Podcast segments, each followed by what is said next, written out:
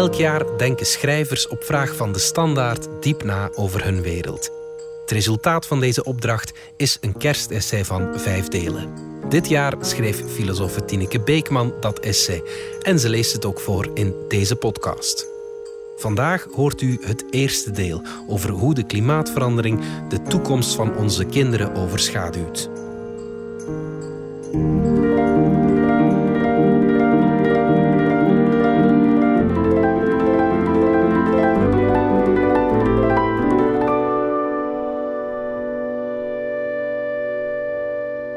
Met kerstmis vieren christenen de komst van het kind.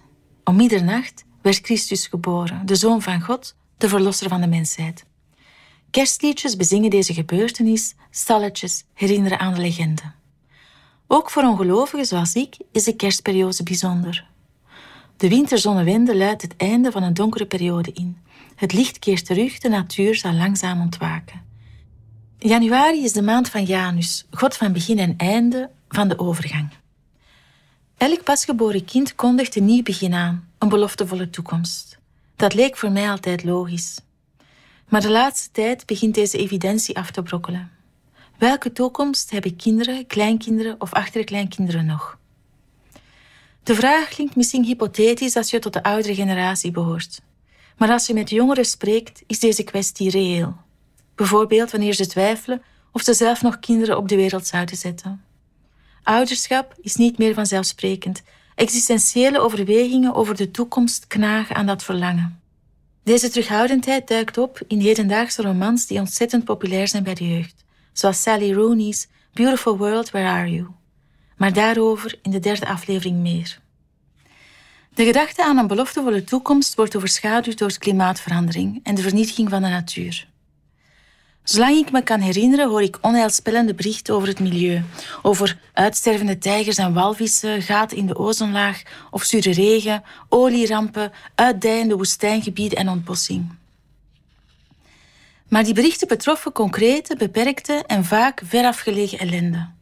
Het probleem kunnen opgelost worden. Een expert analyseert wat fout loopt, bedenkt een oplossing, politici voeren de nodige maatregelen uit en daarna kan iedereen gewoon verder. Intussen is het duidelijk dat die milieuproblemen met elkaar verband houden. Diersoorten sterven uit en de biodiversiteit is in gevaar. Chemische stoffen vergiftigen lokale omgevingen en de CO2-uitstoot warmt de hele planeet op. Klimaatverandering betekent dat crisissituaties geen aparte fenomenen zijn, zoals vroeger werd gedacht. Mensen zijn overal in een lastige, netelige toestand beland. In het Engels heet dat predicament. Voor de volgende generaties beïnvloeden milieuproblemen elk aspect van hun leven: voeding, huisvesting, werk, transport, energie, migratie, nationale en internationale politiek. De vraag is alleen hoeveel erger de situatie zal worden. Maar dat een ingrijpende verandering plaatsvindt, staat wetenschappelijk vast. Dit predicament genereert een crisis van de tijd. En dat betekent niet alleen dat de tijd om te handelen beperkt is en al heel veel tijd verloren is gegaan, Politieke besluitvorming, ook internationaal, verloopt erg traag. Ik bedoel vooral dat de continuïteit tussen verleden, heden en toekomst niet meer vanzelfsprekend is. Zelf behoor ik bij de iets wat oudere generatie, zeker vanuit het perspectief van kinderen of jongeren. En ik wil even stilstaan bij deze veranderende tijdsdimensie die de cultuur en de samenleving doordringt, maar die vrijwel onopgemerkt blijft. Heel wat mensen willen niet over klimaatverandering horen. Ze betwisten de realiteit ervan. Ze minimaliseren het menselijke aandeel of de westerse verantwoordelijkheid. Maar daarover gaat dit kerstessay niet. Wel over de hypotheek die deze klimaatverandering op de toekomst legt. En over hoe belangrijk het is om verleden, heden en toekomst opnieuw met elkaar te verbinden. Dit onzekere, heikele toekomstperspectief lijkt haaks te staan op de plaats die het kind in de cultuur inneemt. Zeker in vergelijking met vorige generaties is de zorgzaamheid voor de jongsten enorm toegenomen. Kinderarbeid werd verboden, kinderen kregen schoolplicht en onderwijs is in principe gratis. Kinderen zijn het onderwerp van meerdere wetenschappelijke disciplines. Pedagogen buigen zich over hun prestaties vanaf de kleuterklas, een eigen rechtencommissaris bewaakt hun rechten. Kinderen kunnen ook in gespecialiseerde ziekenhuizen worden verzorgd en de risico's dat ze in armoede opgroeien worden apart berekend en ingeschat. En nee, dat loopt niet altijd even goed en de kinderarmoede blijft alarmerend of hartverscheurend hoog, maar toch is de bekommernis erom vrij recent. Vanaf de christelijke periode doorheen de middeleeuwen was het leven van kinderen heel wat brozer. Velen stierven erg jong en wie overleefde liep amper school. Kinderen werden veelal opgevoed of opgeleid om zo snel mogelijk, vanaf zeven of acht jaar oud, in de voetsporen van de ouders te treden. Ze moesten meedraaien in de ateliers van ambachtslui of op het land zwoegen. Kinderen kregen door de bank genomen geen bijzondere aandacht. Een kind was een onvolledige volwassene, een non-perfectum. Vanaf de moderniteit vindt langzaamaan een omslag plaats. Langzaam, want in 1661 bedraagt de gemiddelde levensverwachting 25 jaar. Het kerkhof, noteerde de Franse historicus Pierre Joubert, lag in het centrum van het dorp, zoals de dood het centrum van het leven uitmaakte. Toch wordt aan het kind zijn meer en meer aandacht besteed. Onderzoekers bestuderen hoe een kind kennis vergaart, denken na over emotioneel welzijn en sociale vaardigheden. De veranderende houding blijkt ook uit het meer publieke verdriet dat ouders uiten wanneer een kind overlijdt. In La Révolution de l'amour pour une spiritualité laïque vermeldt Luc Ferry een brief van de radicale verlichtingsdenker Denis Diderot uit 1762. Daarin beschrijft de filosoof zijn immense verdriet na de dood van zijn jonge dochter. Ouders treurden voordien natuurlijk ook bij het verlies van een kind. René Descartes rouwde een eeuw eerder heftig, maar discreet om de dood van zijn dochtertje Francine.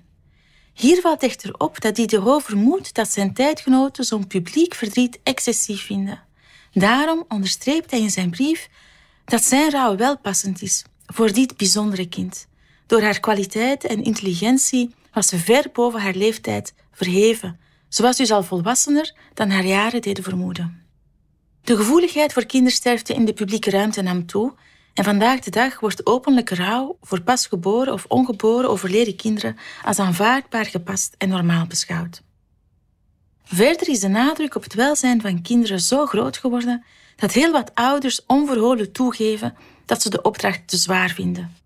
Wellicht vonden ouders opvoeden vroeger ook niet altijd makkelijk. Maar nu lees je regelmatig stukken over ouders met burn-out symptomen. Deels komt dit, vermoed ik, omdat het ideaal leeft dat kinderen geen enkele vorm van verdriet, frustratie of teleurstelling zouden mogen ondervinden. De goede ouder kan het kind voor al het slechte behoeden en al het beste in het kind naar boven brengen. Allerlei experten staan vertwijfelde ouders bij in hun verlangen hun kinderen zo veilig en optimaal mogelijk op te voeden. En voor burn-out ouders worden intussen therapieën ontworpen. De vraag is of deze individueel gerichte aanpak niet de bredere vragen miskent. Welke rolverdeling bestaat er tussen generaties? Wat betekent gezag? Op welke verhalen en ervaringen uit het verleden kunnen ouders terugvallen? Welk beeld van het kind en die ontwikkeling werkt zo'n stress in de hand? En hoe bereid je een kind het beste voor op de toekomst? In het christendom neemt het kind een centrale plaats in, maar wel in een specifieke betekenis. God treedt door het kindje Jezus de wereld binnen. Deze gedachte wordt verzinnenbeeld doorheen de christelijke cultuur. In de schilderkunst, architectuur, de beeldhouwkunst wordt Jezus op schoot bij zijn moeder, Maria, afgebeeld.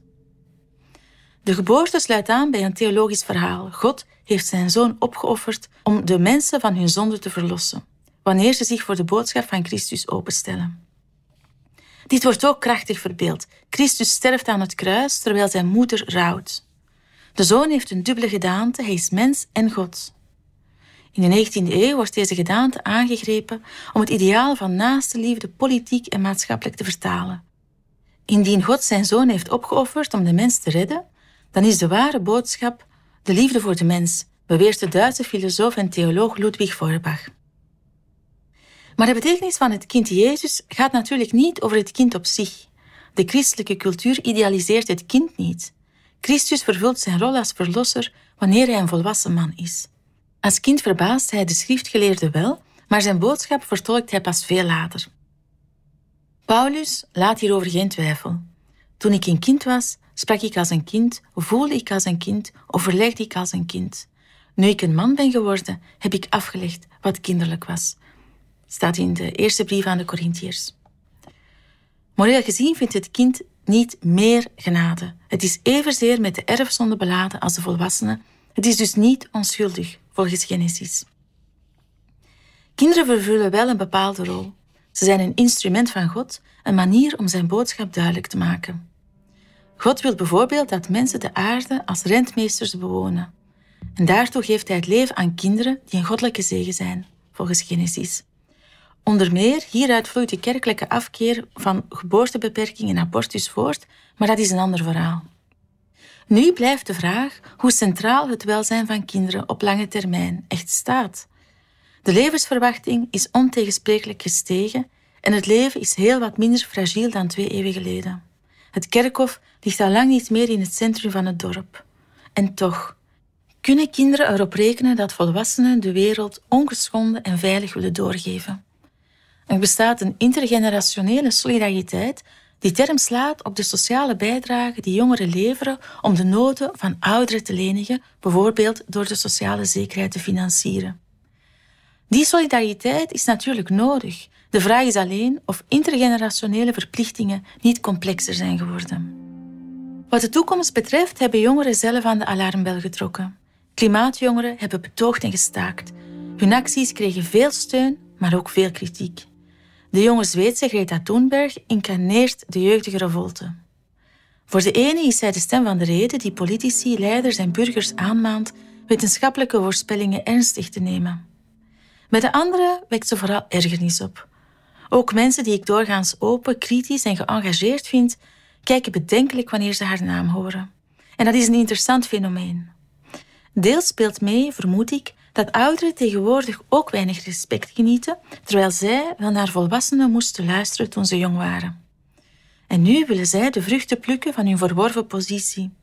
Maar hun autoriteit wordt driest verworpen. Thunberg roept ook nog eens op tot schoolstakingen en daarmee raakt ze aan de kern van de verschillen tussen generaties. In het traditionele onderwijs is de oudere aan het woord en luisteren de kinderen. Een kind is iemand die zijn opleiding nog niet heeft voltooid en die krijgt geen stem in het kapitel. Zo staat het in de staat van Plato. Zo voelen velen het. Een schoolstaking wekt een dubbele irritatie op. Thunberg spreekt voor haar beurt en ze ondermijnt de scholing van anderen. En dat doet ze in een samenleving waar diploma's als een must worden gezien.